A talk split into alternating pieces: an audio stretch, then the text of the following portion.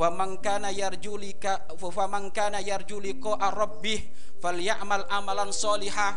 Barang siapa yang rindu ingin bertemu dengan Allah maka hendaknya beramal kebaikan siapa pun rindu bertemu dengan Allah. Dan kita bertemu dengan Allah di mana? Di surga. Kalau ingin menjadi ahli surga harus beramal so soleh. Kalau ingin bertemu dengan Allah harus beramal so soleh. Tetap amal tetap harus ada. Kemudian firman Allah yang lainnya innalladzina amanu wa amilus solihati kanat lahum jannatul firdausi nuzula. Sesungguhnya orang-orang yang beriman Yang banyak-banyak melakukan amal-amal kebaikan Keberadaan mereka Tempat tinggalnya berada di surga Firdaus Surga yang paling tinggi. Jadi orang yang banyak amal dalam kebaikan Itu surganya adalah surga yang paling ting tinggi